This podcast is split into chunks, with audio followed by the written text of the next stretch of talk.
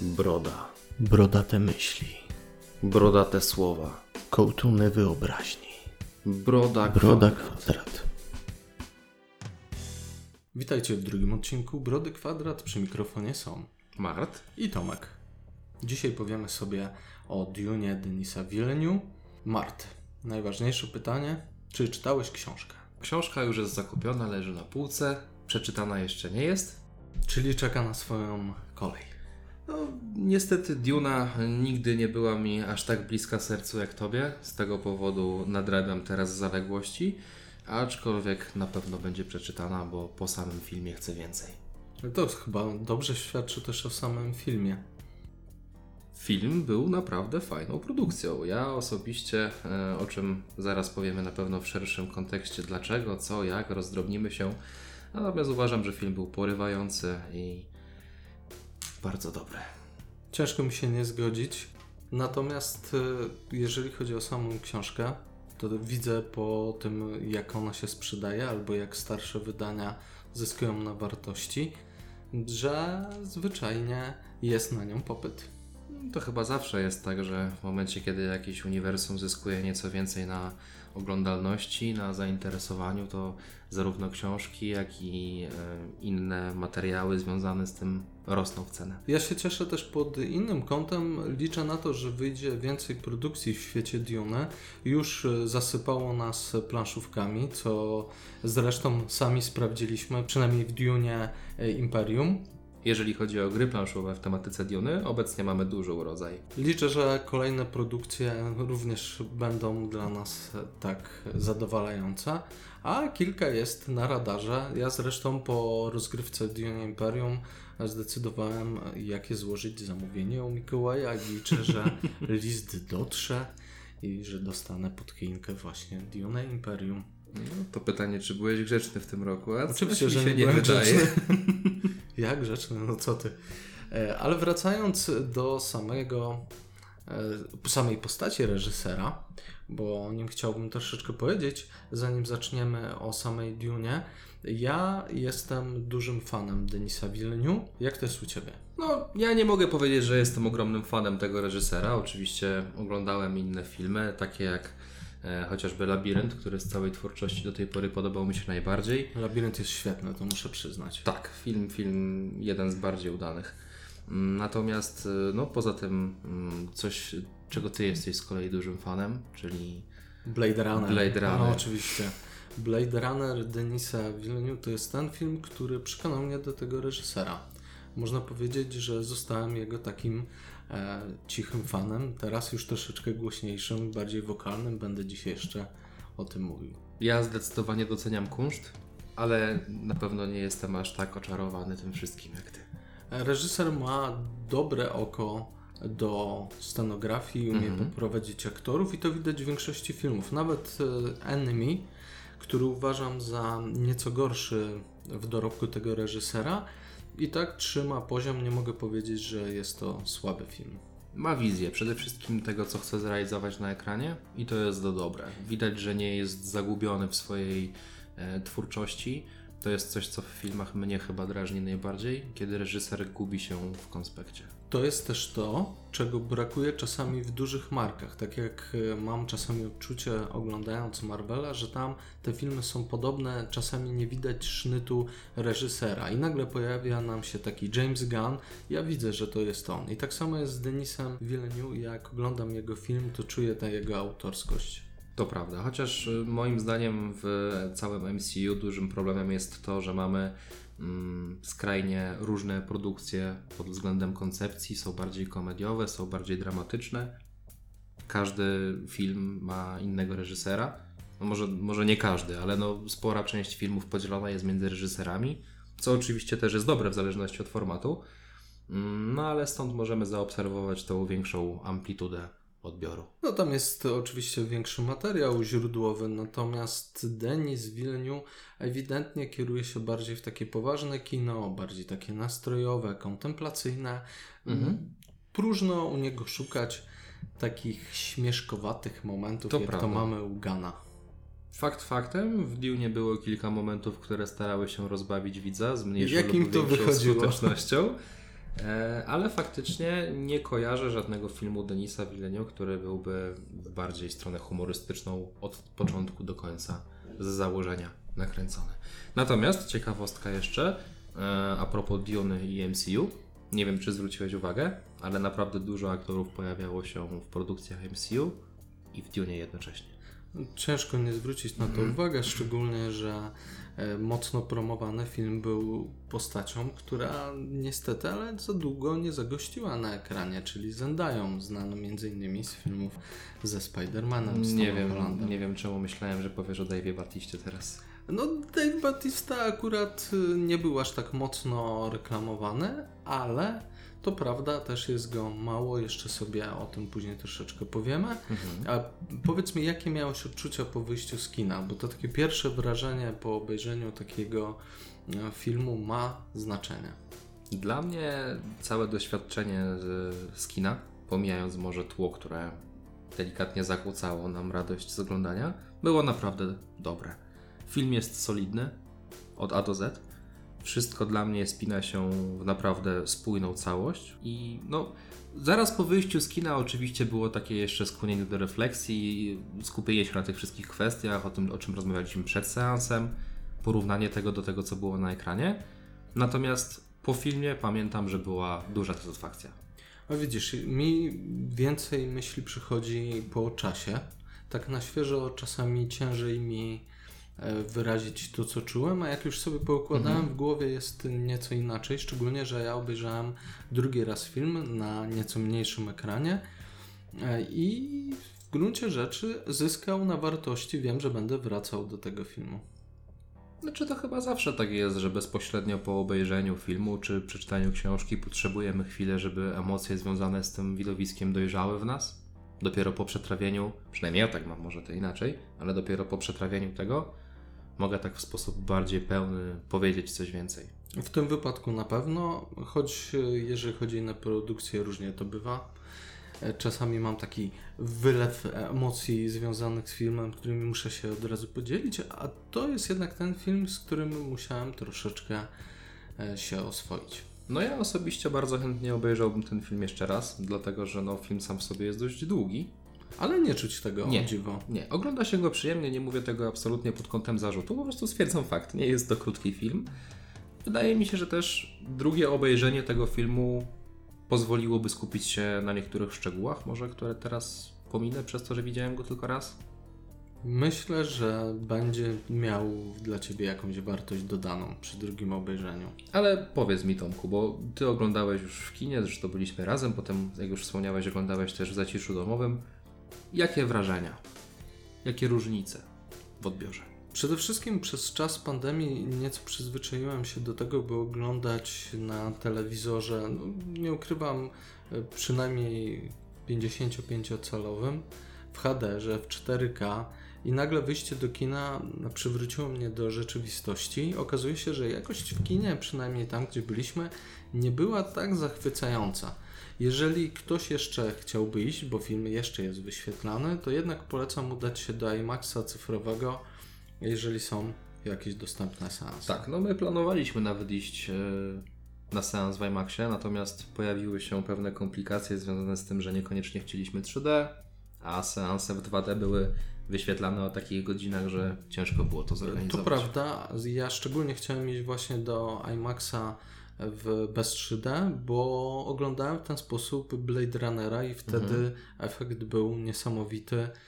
Brakowało mi trochę tego ekranu i tej jakości z IMAXa. Ja szczerze powiem, że ogólnie technologii 3D nie jestem fanem. Widziałem sporo filmów. O nie, w żadnym e, razie. Widziałem sporo filmów i mała ilość z tego jest filmem, który bym powiedział wow, tak, super, to, to musiało być w 3D. Jak ja się cieszę, że poszedłem na 3D, a nie 2D. To Raczej myślę, było że tu się zgadzamy. Filmy 3D w żadnym razie. Natomiast wracając do tego, jak wygląda sytuacja w domowym zaciszu, no znacznie lepiej. Biorąc pod uwagę wielkość filmu, takie prozaiczne rzeczy, jak to, że mogę na chwilę zastopować, jak jest Mhm. jakaś przerwa między scenami, e, żeby cokolwiek się napić, iść do toalety. No, na Dune w kinie siedziałem na tej zasadzie, że no chcę to obejrzeć do końca, a ten film miał taką tendencję, że nie chciał się czasami skończyć. Reżyser miał problem z tym, gdzie zakończyć ten film, ale myślę, że o fabule powiemy sobie jeszcze troszeczkę więcej później. Myślę, że tak. Natomiast mm, rozumiem, co masz na myśli, bo faktycznie format jest długi i o ile przykuwa widza do ekranu bardzo skutecznie, to no, przy długim filmie czasem brakuje tej krótkiej przerwy. Chociaż, jak już wspomniałeś, żeby na chwilę wyjść, rozprostować nogi. Miałem jeszcze jeden problem, a Mhm. mianowicie zapomniałem, że z nami w kinie oglądają też ludzie i niestety ci ludzie też zapominają, że są Mhm. inni wśród e, oglądających i zamiast siedzieć cicho, przeżywać to wszystko, no to niestety my trafiliśmy na takich, których trzeba było uciszać. Tak, bardzo serdecznie pozdrawiamy z tego miejsca y, grupę młodzieży siedzącą za nas, która uznała, że paczka batoników, każdy zapakowany w osobno foliowe opakowanie jest najlepszą przekąską do kina. Dokładnie. Pamiętajcie więc, jak jesteście w kinie, nie zachowujcie się jak chamy i prostaki. Pamiętajcie, że inni też oglądają. Oczywiście jedzenie popcornu czy tych rzeczy, które są sprzedawane w kinie jest jak najbardziej dopuszczalne. Natomiast jeżeli nie jesteśmy na komedii, może śmianie się w głosy i robienie sobie heheszków nie Zwłaszcza z czegoś, co akurat nie dzieje się na ekranie. Tak, szczególnie podczas jakiejś sceny, która ma zupełnie inny wydźwięk. No ale wiadomo, niektórzy idą na film, niektórzy idą do kina. No ale dobrze, idąc e, dalej, powiedz mi proszę, jak podobała Ci się muzyka? Muzyka jest nieodłącznym elementem każdego filmu, potrafi zbudować nastrój, potrafi go zepsuć. Jak było w tym wypadku? Tutaj jest integralną częścią z obrazem i choć wiele zarzutów już słyszę od dłuższego czasu w kierunku Hansa Zimmera, to muszę powiedzieć, że swoją robotę zrobił wyśmienicie, aż sobie tak oglądając wyobrażałem, jak tam Hans stoi z batutą i emocjonalnie podyryguje, kierując orkiestrą. Nie, no ogólnie jeżeli chodzi o całokształt twórczości Hansa Zimmera, ja jestem dużym fanem. W tym filmie nie ma absolutnie wyjątku od tej reguły. Bardzo lubię, no chyba nie było filmu, przy którym nie podobałaby mi się jego muzyka. Nawet Hans Zimmer na średnim poziomie to wciąż Hans Zimmer, a więc mamy do czynienia z wysokim poziomem. Czasami on po prostu zbija się na jeszcze większe wyżyny. To prawda, ma, ma lepsze momenty, ale chyba i tak możemy powiedzieć, że jest to legenda wśród muzyki filmowej. I tak często wracam do niektórych jego utworów i niektórych jego ścieżek. E, Szczególnie Incepcja? zapadła mi. O, właśnie, Incepcja. To, to jest y, ta ścieżka, do której najczęściej wracam. I jeszcze Interstellar.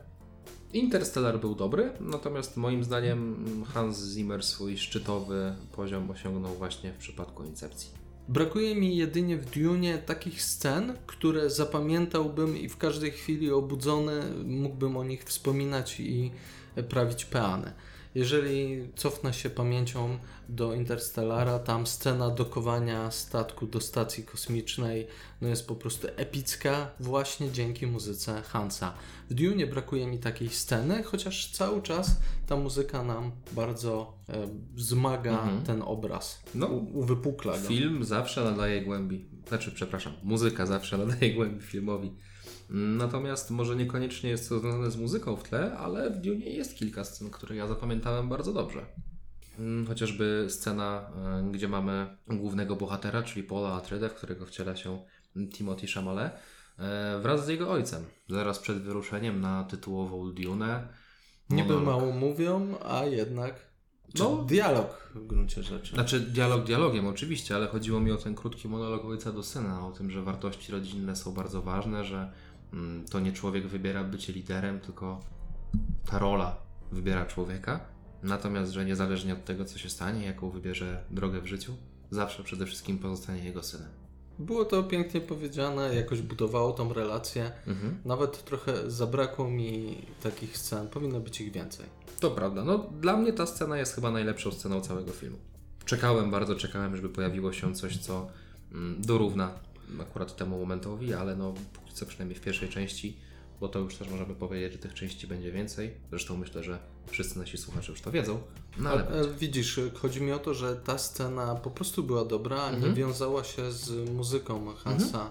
E, jakoś nie kojarzę nawet jaka tam muzyka leciała. nie, no ja tutaj akurat z tego momentu też Ci muzyki nie przytoczę, natomiast y, momenty, w których najbardziej mi się muzyka wrzucała na pierwszy plan, to były wszystkie zresztą bardzo piękne y, momenty, kiedy widzieliśmy Arakis, przedstawienie całej panoramy pustynnej, czy chociażby inne plenerowe sceny. Reasumując, muzyka pod batutą Hansa Zimmera naprawdę zwieńcza ten film i dodaje mu uroku. No myślę, że będzie to podkładem muzycznym do niejednej gry, szczególnie planszowej dla nas. Planszowej czy fabularnej, gdybyśmy grali coś w klimatach sci-fi? A nie powiem, że jestem trochę nakręcony, żeby zagrać coś w klimatach Dune, jakiegoś RPGa. Słuchaj, jak mówisz RPG, to jakby ja już przestaję słuchać i szukam kostek. Ale muzyka muzyką, jak już wspomnieliśmy, nieodłączny element każdego filmu, natomiast przejdźmy do kolejnej kwestii, czyli czegoś, bez czego film nie mógłby się już całkowicie obyć, czyli aktorzy. Jak podobały Ci się kreacje aktorów postaci w tym filmie? To jest kolejna rzecz, do której Denis Villeneuve ma dobre oko, a mianowicie do doboru aktorów i ich prowadzenia. Tu chciałbym wrócić na chwilę do Blade Runnera, bo tam nawet e, taki aktor, e, który, no powiedzmy sobie szczerze, nie ma jakiegoś specjalnego warsztatu. Czyżbyś mówił o Dave'ie Batiście? Tak, mówię o Dave'ie, to nawet tam by- był tak poprowadzony, że wykrzesał z siebie więcej niż mógłbym się po nim w ogóle spodziewać.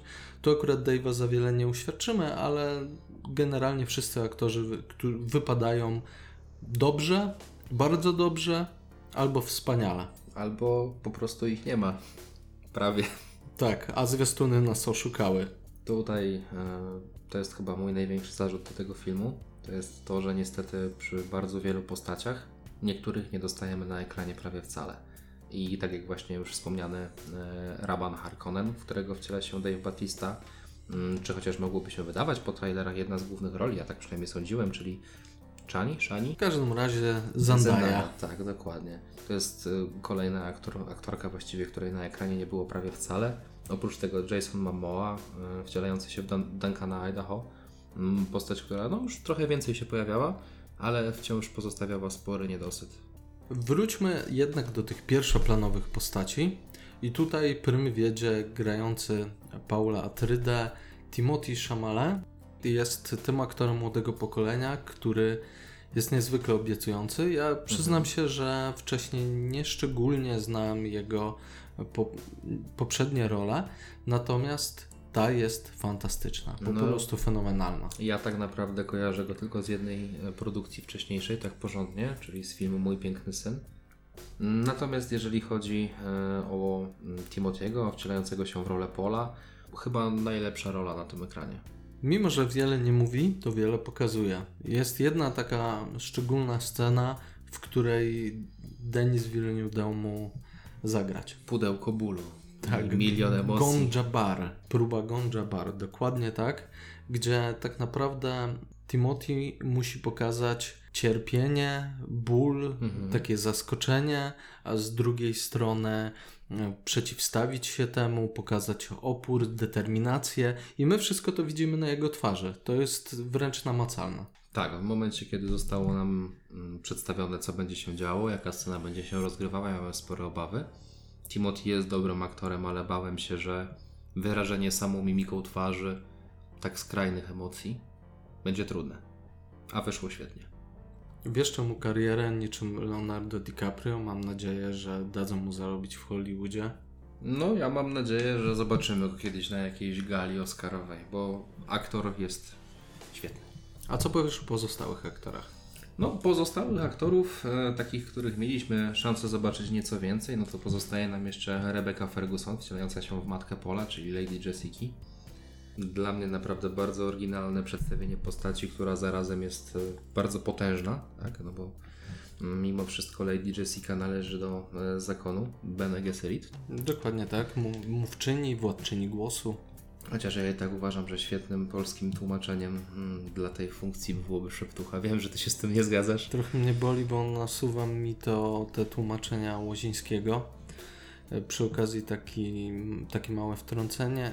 Jakbyście kupowali sobie Duna, To patrzcie w czyim jest przekładzie. dokładnie tak. To tak jak we Władcy Pierścieni, bo ten pan popełnił e, takie krzaczki i dziwne sformułowania, czy też tłumaczenia jak Bilbo Bagosz i tym podobne. To co prawda faktycznie odbiega od głównego tematu, natomiast opowiadałeś mi, że i Duna w przekładzie pana Łozińskiego nie była wolna od podobnych kwiatków. Oj tak, tam Fremeni, czyli ten lud pustyni mieszkający na Arrakis, zostali dość dosłownie przetłumaczeni. No zgadnij jak. Wolni ludzie? Tak, wolanie niestety. Boli wciąż. No nie, nie brzmi to dobrze. Nie brzmi to dobrze, ale Bilbo Bagosz też nie brzmiał dobrze. Nie brzmiał. Uważajcie. Tak. Wracając do pani Rebeki Ferguson, ja też nie kojarzę jej z wielu produkcji, Mhm. a tym bardziej z dobrych. Wręcz z takiej jednej słabszej, czyli ze Snowman z, e, o Harem Hula. No to ogólnie nie był dobry film. Nie. A miał dobrych aktorów, jak się okazuje. No, jak widać, nawet dobrzy aktorzy nie są gwarancją sukcesu filmu. Kojarzę też z Mission Impossible, ale nie, nie zapadła mi tam jakoś szczególnie. Natomiast tutaj w roli spełnia się naprawdę mm, w sposób satysfakcjonujący. Moim zdaniem wyszło jej to dobrze. Ciekaw jestem, jak poradzi sobie z tą rolą dalej. Potrafi balansować między tą potężną władczynią głosu A matką. Dokładnie tak. I to widać, czuć. Szczególnie też podczas tej sceny właśnie z Gonja Bar, kiedy ona pilnuje drzwi i Oj, widać, tak. że wie co tam się dzieje, wie co przeżywa jej syn. Też było w piękny sposób pokazane rozdarcie matki, która jednak nie sprzeciwi się głowie swojego zakonu. Jestem wręcz zaskoczony, jak dobra jest jej rola. Myślę, że po takim występie moglibyśmy ją zobaczyć w jakichś innych produkcjach. Mogłaby rozwinąć skrzydła. Myślę, że to jest dobry moment, żeby wspomnieć, że ogólnie gra aktorska w filmie Duna jest na bardzo wysokim poziomie. Kolejnym przykładem tego może być chociażby Oscar Isaac, który wciela tutaj się rolę Leto Atrydy, który też przyzwyczaił nas do nieco bardziej humorystycznych kreacji, takich jak Paul Dameron. O tak, to mocno odbiega od Paula Damerona. Dwie strony tej samej monety. Gra tutaj postać charyzmatyczną, poważną, a zarazem taką ciepłą i sympatyczną. Tak, to prawda. Zresztą, no, tak jak już wspomniałem wcześniej, y, dialog y, jego z głównym bohaterem to moja ulubiona scena. Mart, najważniejsza rzecz, jesteśmy w końcu w brodzie kwadrat. Jak podobała Ci się jego broda? No, wystylizowana taka, że i ty i ja moglibyśmy pozazdrościć.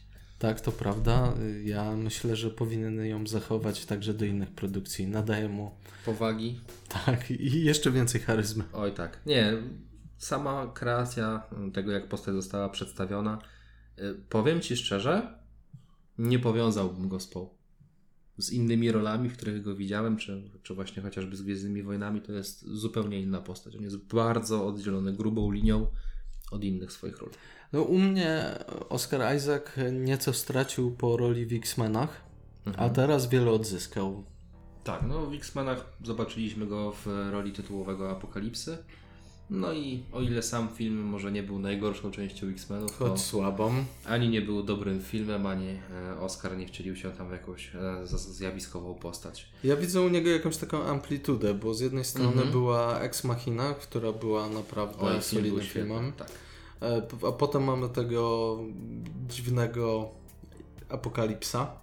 Mhm. A teraz znowu wracamy do dość wysokiego poziomu. Zresztą ta, ta jego rola w Gwiezdnych Wojnach też była solidna. Była bardziej komediowa, bardziej humorystyczna, ale no też jedna z głównych ról i to dobrze odegrany. No, czekam, co jeszcze będzie mógł pokazać. To jest aktor albo świetnej roli, albo miałkiej roli. Zobaczymy, co będzie następne. Na to wychodzi. W samej Dunie mieliśmy jeszcze jedną perełkę, którą chciałbym wyróżnić, a mianowicie Stellana Skarsgarda, który wciela się w rolę mrocznego i obślizłego barona Władimira Harkonnena. Jak Ci się podobał w tym? Sama kreacji monstrualnego obżartucha, giganta, który jest tak opasły, że nie potrafi poruszać się na własnych nogach, podobała mi się bardzo. Super przedstawili to, jak on się porusza i jak e, Skarsgård to odgrywa nawet jak je, mlaszcze, Oj tak. siorbie, Świnia jest korycie, dosłownie. Dokładnie tak. Świetnie zagrane. Zresztą ta scena, w której mm, Leto Atryda już pokonany mm, decyduje się rozkruszyć ząb z ampułką trucizny, to jak on ucieka na sufit w połączeniu z tym, jak wcześniej konsumował bez żadnych e, ograniczeń, nie wiem jak tobie, ale mi kojarzy się z Karalukiem. Może przywodzić na myśl. Natomiast tak, no y, ja aktora kojarzę co prawda tylko z jednej roli wcześniej, bo to kolejny aktor, który również wcielał się w postać w Marvelu, mm, ale nie powiązałbym tego. Tak szczerze mówiąc, y, zupełnie dwa różne światy. No, Stan Skarsgård to raczej role takie drugoplanowe, czy nawet trzecioplanowe. Mhm. Powiedzmy sobie szczerze, tutaj też nie jest to rola pierwszoplanowa, a szkoda. Chętnie zobaczyłbym więcej intryg i polityki ze strony Władimira. Ale powiedz mi, bo jak jesteśmy już przy samej postaci Barona, to coś o co chciałem Ciebie zapytać, jako że Ty już książkę mm, czytałeś. Z tego co widziałem w pierwszej ekranizacji, on nie był łysy. Tutaj ewidentnie w Dune mm, reżyser ma wizję, że wszyscy z rodu Harkonnenów to są ogoleni do gołej skóry, mm, łysi. Nie przypominam sobie, żeby to było zaznaczone w książce, natomiast podoba mi się ta koncepcja, żeby ich wyróżnić w jakiś sposób. Mhm. Bladzi, łysi. Y, Nie ufaj łysemu, Marty jest łysy. Tak, to prawda. Jestem łysy i to prawda, nie ufajcie mi. Natomiast wracając do Barona, jest to postać skreowana w sposób oryginalny i mi też bardzo podoba się to oddzielenie w sposób wyraźny, zaznaczenie, że mimo, że rasy bardzo humanoidalne, to jednak różniące się od siebie na pierwszy rzut oka. Jest to jakiś wyróżnik w stosunku do przystojnych i charyzmatycznych atrydów. To prawda, no jakby e, oddzielają się nie tylko charakterem, ale ilością owłosienia. Natomiast jeżeli chodzi o aktorów, mm, to ja jeszcze chciałbym tylko zwrócić uwagę na Jasona Momoa, którego co prawda zobaczyliśmy na ekranie bardzo mało, ale bohater heroiczny, co prawda bez większej głębi. I bez brody. Tak, chyba pierwszy raz widzę go bez brody i Lepiej, żeby lepiej, zapuścił. żeby ją miał. Natomiast Wygląda jak pulchny chłopiec. Twarz pulchnego chłopca nasadzona na gigantyczny tors. No, tak. Przy czym e, tutaj widzę, że ta postać została zachowana w spójności do tego, co widzieliśmy w tym pierwowzorze ekranizacji powieści. Tak szczerze mówiąc, jak porównywałem zdjęcia aktorów, to niemalże Skoro już o tym wspominasz, e, czy oglądałeś Duna Lyncha? to, to też jest w, w planach do nadrobienia. E, Ja, jak już wspomniałem, nie jestem dużym fanem samego uniwersum, więc dopiero teraz po zobaczeniu e, filmu Denisa Villeneuve będę nadrabiał. Ja, żeby było śmieszniej, z samą Duną pierwszy raz spotkałem się właśnie poprzez gry planszowe. Okej, skoro nawiązałeś do tego, to nieco sobie e, rozwiniemy temat. Ja akurat spotkałem się przy okazji gry komputerowej. Z tego co pamiętam, to była Duna 2, taki RTS. Nieco podobny do Red Alerta i serii Command and Conquer. Liczę, że teraz właśnie na fali popularności Duna w, w grach komputerowych może wrócić. Patrząc na to, jak w tym momencie film odniósł sukces i popularność Diony wzrasta, myślę, że Twoje marzenie może się ziścić. Chciałbym takiego współczesnego remake'a. Chociaż trochę się boję, że mm, może to być odległe w czasie, dlatego że przynajmniej w przypadku planszówek, no to wszystkie premiery e, albo były wręcz przed filmem, albo są już zaraz. A tutaj w świecie gier wideo nic nie zostało zapowiedziane. To prawda, bardziej stawiałbym, że teraz dzięki sukcesowi Dune zaczną się w ogóle produkcje i dopiero jakoś z drugą częścią możemy spodziewać się. Przynajmniej na to liczę. Za to jeszcze przed nami przynajmniej polska premiera Dune RPG. Ja na pewno będę obserwował, jak to będzie wyglądało i możliwe, że też sięgnę po tą wersję książkową gry fabularnej, choć nie ukrywam, że nie jestem jakimś specjalnym mm, zwolennikiem grania konkretnie w danym settingu, w, w daną wersję. Równie dobrze można przenieść mechanikę do danego świata. To akurat jest bardzo fajne ja jestem dużym zwolennikiem tego typu działań, to znaczy mechaniki sprawdzone pozwalają w sposób dość wygodny grać niemalże w każdym uniwersum, pod warunkiem, że mechanika oczywiście w jakiś super ścisły sposób nie jest związana z e, czymś bardzo wyjątkowym dla Jakimś danego takim świata. gimmickiem Tak, no gry. właśnie, właśnie czegoś takiego szukałem, jakiegoś określenia. E, No ale takich mechanik jest mało. Na szczęście systemy RPG są na tyle otwarte, że z odrobiną kreatywności można dostosować je niemal do każdej fabuły. No tu się w pełni zgadzam. Wracając do filmu Lyncha, Mm. to polecam Ci go. To bardzo dziwne przeżycie, takie troszeczkę kwasowe. Zresztą wszyscy znający dzieła Lyncha mogą to potwierdzić. Nie jest to film dobry, ale dobrze się można na nim bawić. No ja z samej ciekawości, żeby porównać różnicę między czymś, co zostało nakręcone prawie 40 lat temu, a filmem współczesnym. Chętnie zobaczę. Ja tylko żałuję, że nie doszło do zrealizowania Duny w reżyserii Jodorowskiego, która miała być w latach 70. wypuszczana. Jest nawet film, który powstał o tym, jak ta Duna powstawała. Tam miały być takie tuzy jak Salvador Dali, Wallace, mieli grać Pink Floydzi, wiecie, to miało być coś wielkiego i kwasowego, może nawet bardziej niż to, co stworzył Lynch. No cóż, nie wszystkie zaplanowane produkcje doczekają się faktycznej realizacji, co jest czasem smutne, czasem nie. Patrząc na niektóre twory, to mogłoby ich nie być. Natomiast teraz, po takim odstępie w czasie, dostaliśmy pierwszy film z serii, który zapowiada się na naprawdę dobrą serię. Ale wracając do aktorów i do Jasona.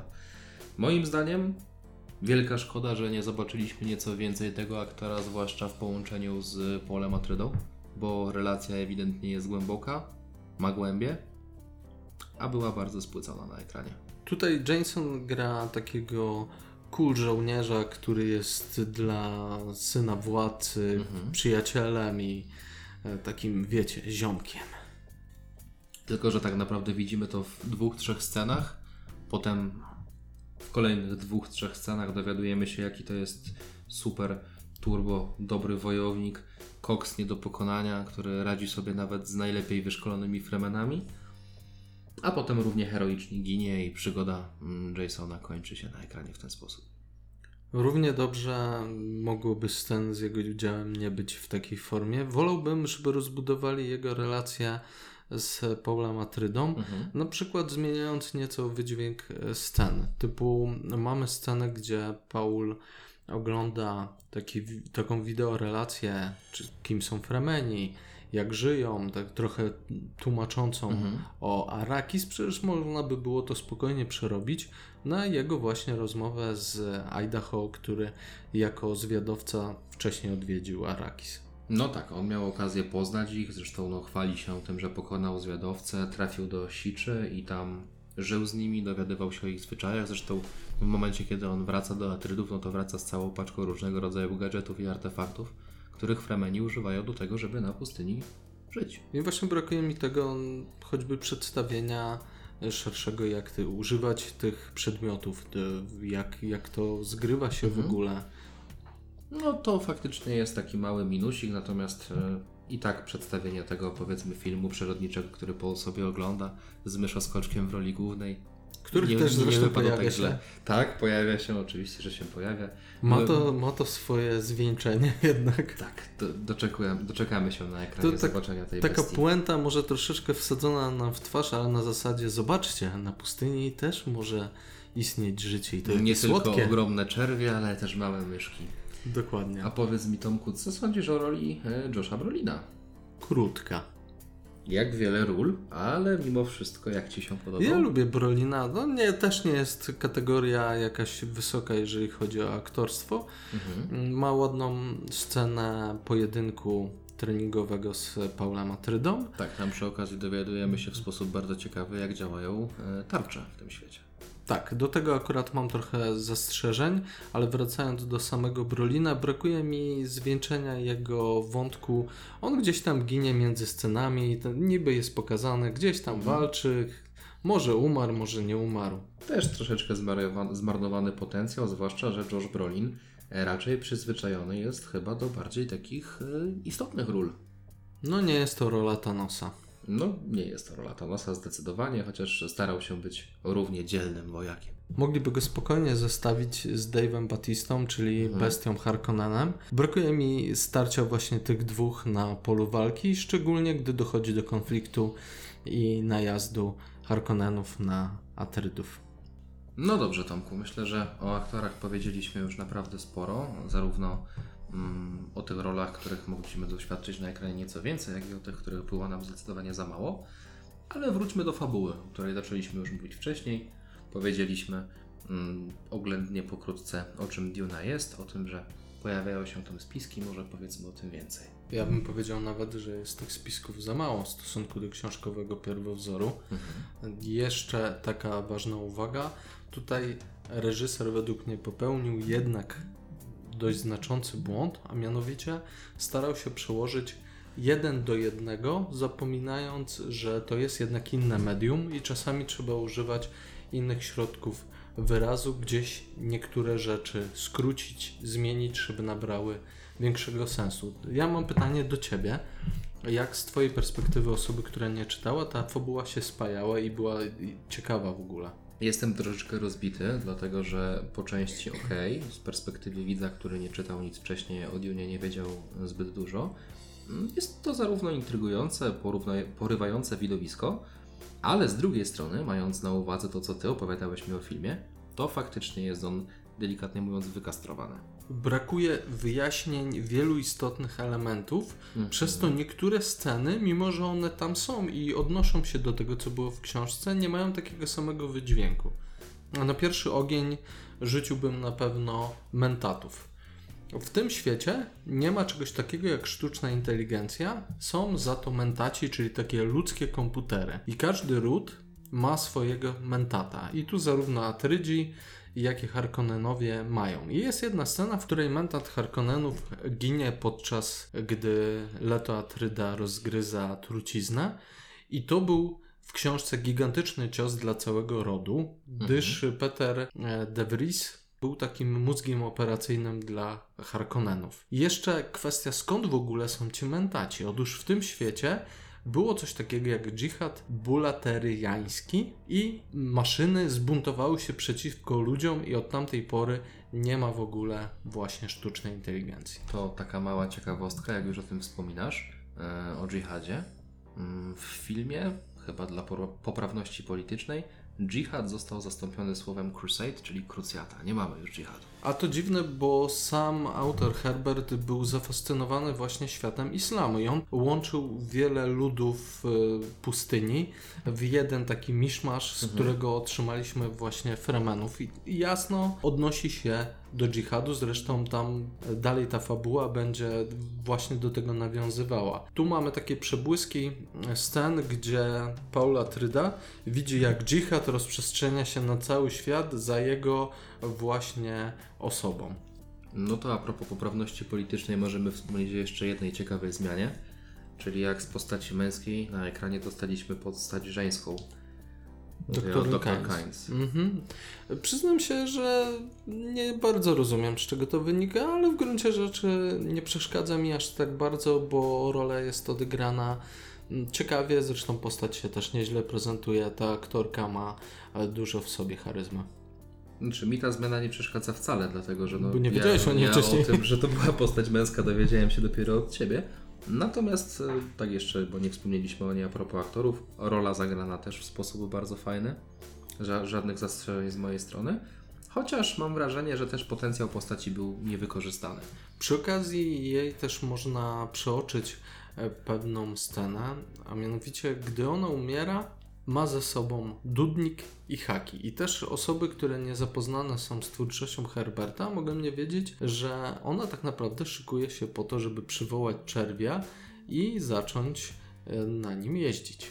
Ogólnie, jeżeli chodzi o kulturę Fremenów, w filmie mamy kilka wzmianek, które są bardzo fajnymi ciekawostkami. Przedstawienie jakichś zwyczajów danego ludu są bardzo imersyjne. I tu mieliśmy kilka takich wstawek, chociażby jak Stilgar był na audiencji u e, Leto Atrydy. To super To- scena. Tak, bardzo fajna scena. To musimy mi wyjaśnić chyba na, na czym ona polegała, a mianowicie Mhm. na czystym splunięciu. Tak. Stilgar po prostu w całej tej swojej szorstkiej postawie, którą prezentował podczas spotkania, splunął, co dla Fremenów jest e, dużym hołdem w postaci ofiarowania wilgoci, no to Straż Przyboczna prawie się na niego w tej scenie rzuciła.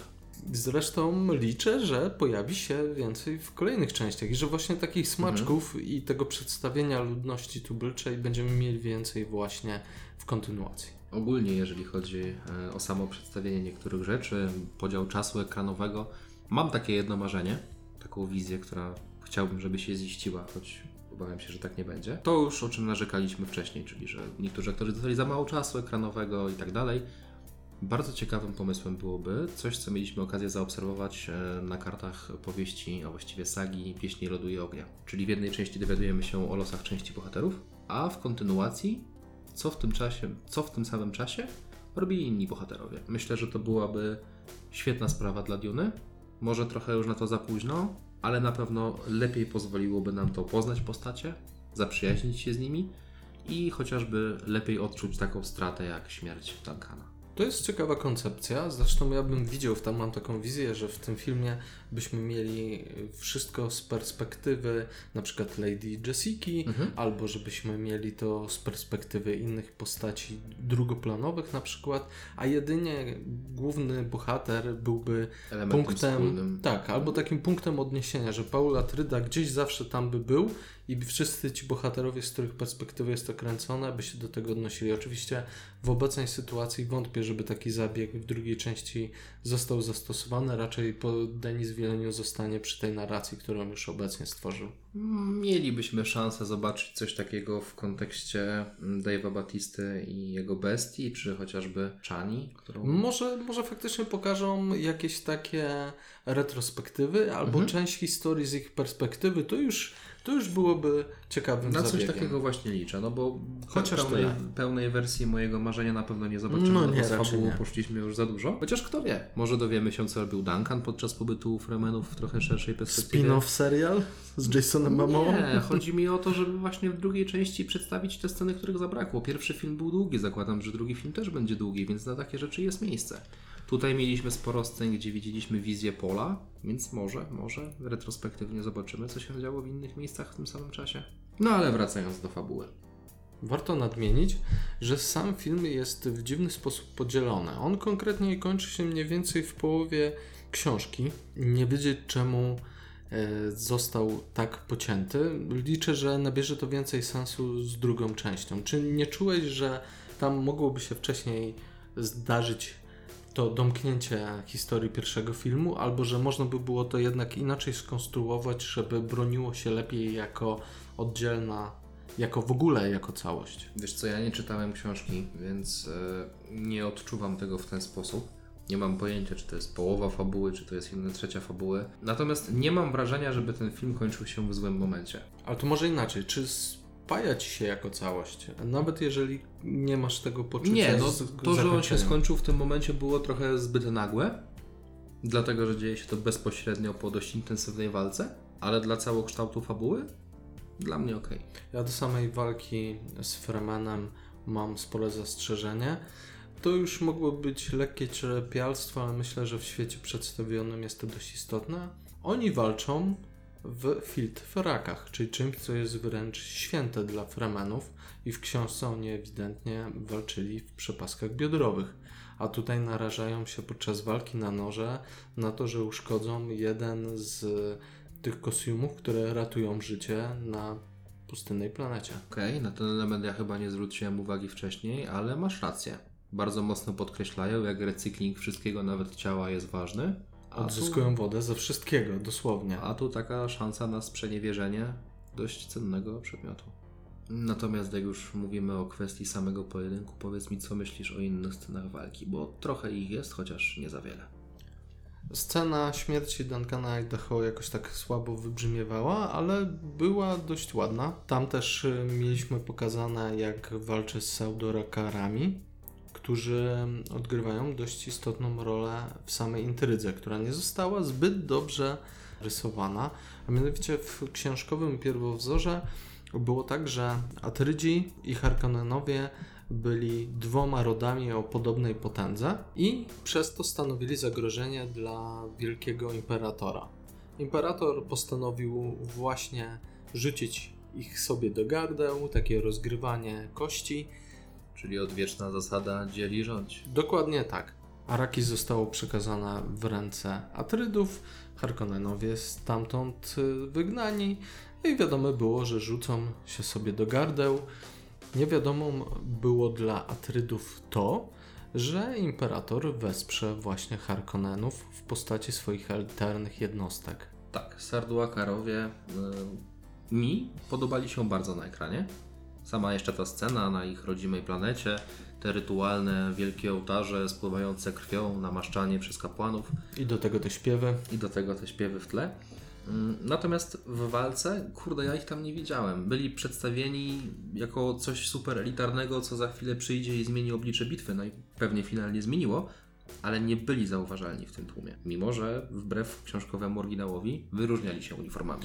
Tak, w książkowym oryginale oni walczyli w uniformach Harkonnenów, tak żeby nikt przypadkiem nie dowiedział się, że imperator poparł jedną ze stron, bo to mogłoby spowodować bunt wszystkich wysokich rodów. Mhm. Natomiast tak, widzimy ich zarówno w momencie, kiedy zaczyna się cała sekretna inwazja nocą, i potem jeszcze przy tym opuszczonym kompleksie badawczym. Sekretna inwazja jest dla mnie dużym zgrzytem, bo pokazuje, jakby Atrydzi nie byli w ogóle przygotowani. I tu znowu wracamy do tego, że reżyser nie przedstawił wszystkich politycznych zagrywek, intryg, tego co się rozgrywa w książce i ma bardzo duże znaczenie, a pokazuje ich efekt. I my tak do końca nie wiemy, czy to e, kretyni, którzy nie potrafią się bronić, czy też faktycznie zostali zaskoczeni przez mistrzowski e, ruch taktyczny. Można by pomyśleć przez krótką chwilę, e, że może reżyserowi zabrakło czasu, no ale z drugiej strony dziwnie by to brzmiało w kontekście ponad 2,5 godziny filmu. Widać, że akcenty rozłożone są e, troszeczkę nieprzemyślane. No niewspółmie- nie, nieprzemyślane to jest do końca. Okej, no masz rację. Mimo wszystko ja mam jeszcze jeden zgrzyt. Na początku dowiadujemy się, jak działają tarcze podczas tej walki treningowej. Zresztą bardzo fajnie przedstawione. Tak, walka treningowa była super i bardzo liczyłem, że ten wątek będzie jakoś szerzej poruszony. Dlatego, że no, w momencie, kiedy Paul ćwiczy mm, ze swoim nauczycielem, no to jest pokazane bardzo wymownie, że ta tarcza jest w stanie zablokować każdy szybki cios mm, i tylko precyzyjne, powolne pchnięcie będzie w stanie je ominąć. Natomiast walki, które potem dostajemy, są dynamiczne, szybkie i mam wrażenie, że tylko zrzucane bomby zapamiętały, że muszą lecieć wolno. No, wygląda to trochę tak, jakby kładali się mieczami bez żadnej finezji i jakiegoś zamysłu, a tutaj nie mamy jeszcze wytłumaczonej ważnej rzeczy, dlaczego nie ma właśnie broni palnej. Mamy pokazane kontekstowo działanie tej tarczy podczas treningu, Mhm. ale nie ma wspomniane, że w ogóle broń palna nie ma sensu w związku z istnieniem tych tarcz. O ile bardzo doceniam przedstawienie czegoś w sposób fabularny zamiast opisowy, to przy, tym, przy tej walce treningowej Garnej mógłby powiedzieć kilka słów chociażby dla widza, który nie wie nic.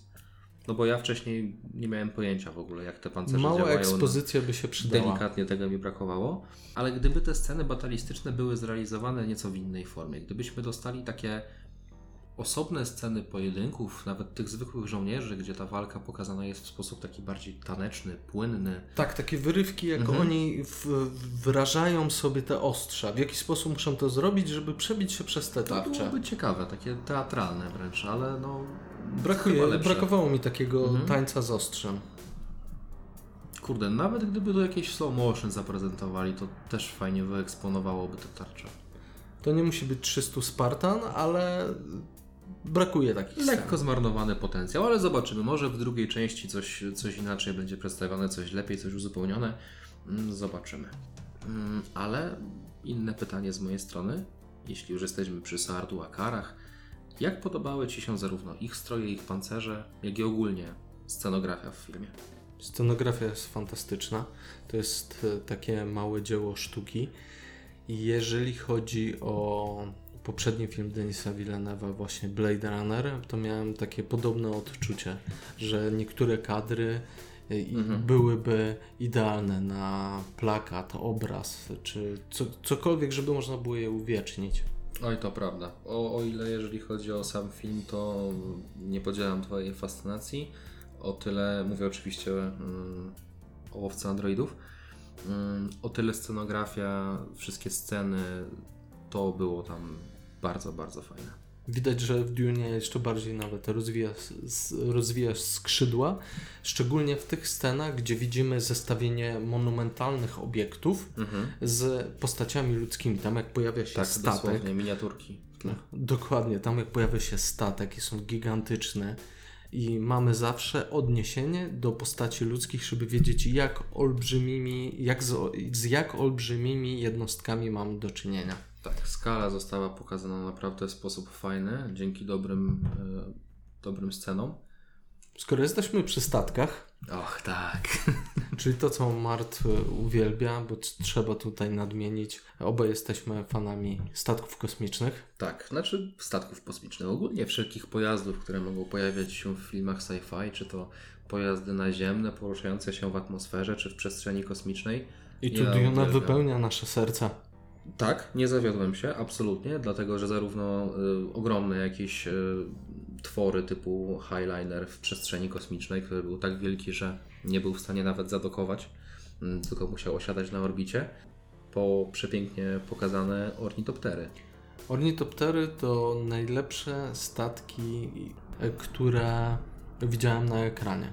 Zwróciłeś uwagę w Dune, że pokazali nam trzy różne wersje ornitopterów? Nie. Mamy te należące mm, do Atredów, które moim zdaniem wypadły w ogóle najlepiej, z tymi licznymi skrzydłami upodobniające je do ważki.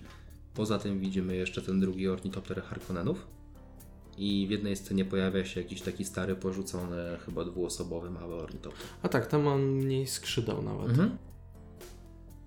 Każdy z tych modeli delikatnie od siebie się różni. Należący do Harkonnenów jest na przykład najbardziej zbrojny, taki masywny. Mm, Ten należący do Atredów jest taki najbardziej smukły, zwinny. Ale każdy z nich naprawdę przypadł mi do gustu. Projekty statków są fantastyczne. Nie są to Gwiezdne Wojny, ale na chwilę obecną powiedziałbym śmiało, że drugie miejsce. Przynajmniej w kontekście filmów. Muszę się z tym zgodzić. Mam podobne odczucia. Zabrakło mi tylko pokazania pilotów, a mianowicie nawigatorów, którzy ćpają melanż wydobywany na Dune i to on pozwala im się poruszać w przestrzeni kosmicznej i nawigować na gigantycznych odległościach. To Tego myślę, zabrakło. To myślę, że ogólnie jest bardzo duży błąd reżysera, że przedstawiona planeta Arrakis, jej istotna rola, to jak cenna jest przyprawa. Ale dlaczego? Dlaczego ona jest cenna? No to tego już nam nie wytłumaczył. Mam nadzieję, że nadrobią to w drugiej części.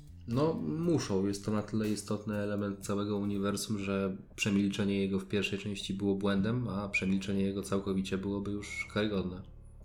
No dobrze. Natomiast jeszcze jedna bardzo ważna kwestia, coś co w dzisiejszych czasach dla filmów jest niezwykle istotne, coś do czego wiem, że Ty przywiązujesz ogromną wagę. CGI. Jak Ci podobało się CGI w tym filmie? Wyglądało wyjątkowo dobrze. Może nie jak efekty praktyczne, ale było bardzo rzeczywiste. Dla mnie było estetyczne. Bardzo dawno nie miałem czegoś takiego, bo to, że CGI czasem zrealizowane jest lepiej lub gorzej, to jedna kwestia.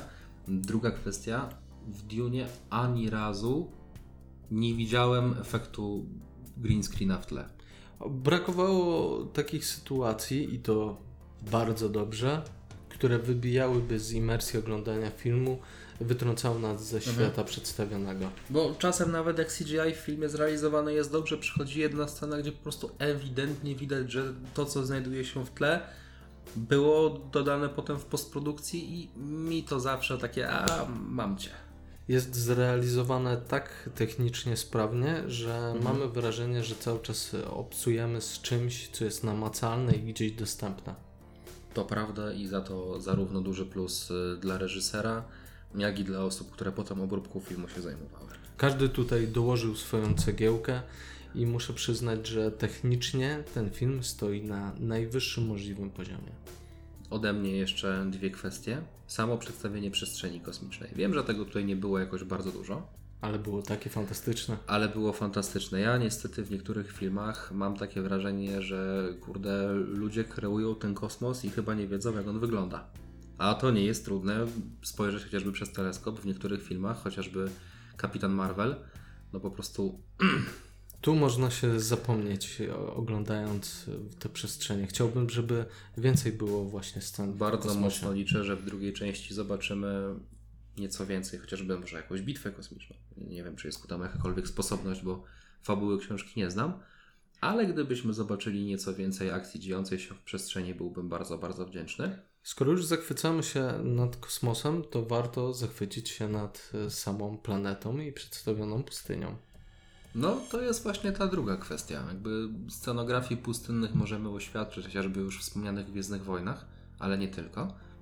Natomiast tutaj absolutnie dla Duny pierwsze miejsce na podium.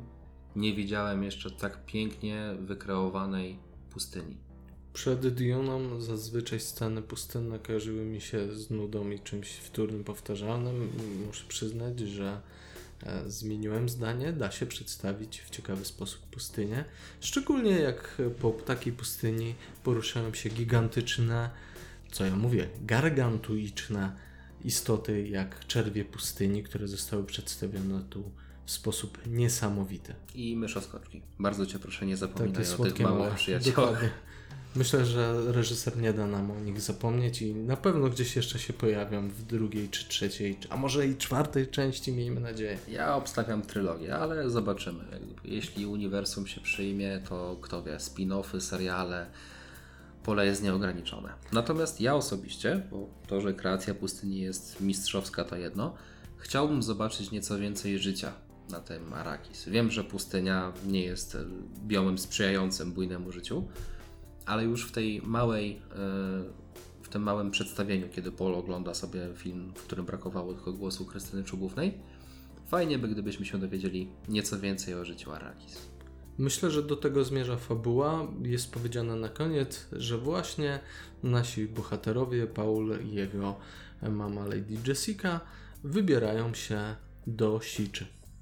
Tak, jestem bardzo ciekaw, jak to będzie wyglądało w drugiej części. Wiem, że pewnie przyjdzie nam poczekać dwa lata co najmniej, ale ja czekam z zapartym tchem, czekam prawie tak jak Ty czekałeś w dniu premiery, aż w końcu pójdziemy do kina. Doczekałem się, choć mimo licznych zastrzeżeń uważam, że jest to film fantastyczny i każdy fan science fiction powinien się z nim zapoznać, a także zachęcam tych, którzy zazwyczaj nie sięgają po tego typu produkcje, żeby jednak spróbować. Jakbyśmy mieli pokusić się o ocenę punktową, Mart. Dla mnie jest to solidne 8 na 10. Dla mnie film naprawdę musi wyróżniać się czymś więcej, żeby ta ósemka została przyznana. Filmy powyżej to już na jednej ręce policzę pewnie. Natomiast tutaj 8 na 10 bez cienia wątpliwości. Ja lubię irytować się połówkami, więc dam 8,5. Mimo wszystko tutaj jesteśmy na pewno bardziej spójni niż chociażby w przypadku Clasha, jeżeli chodzi o ocenę. Tak, to prawda. Brodata średnia i tak oscyluje powyżej 8. Jeżeli ktokolwiek z Was jeszcze tego filmu nie widział, naprawdę gorąco zachęcamy. Jeszcze gdzieś musi być wyświetlany w kinach, natomiast jeżeli nie, to niebawem pojawi się u nas w Polsce wraz z platformą HBO Max, albo może jeszcze na HBO Go.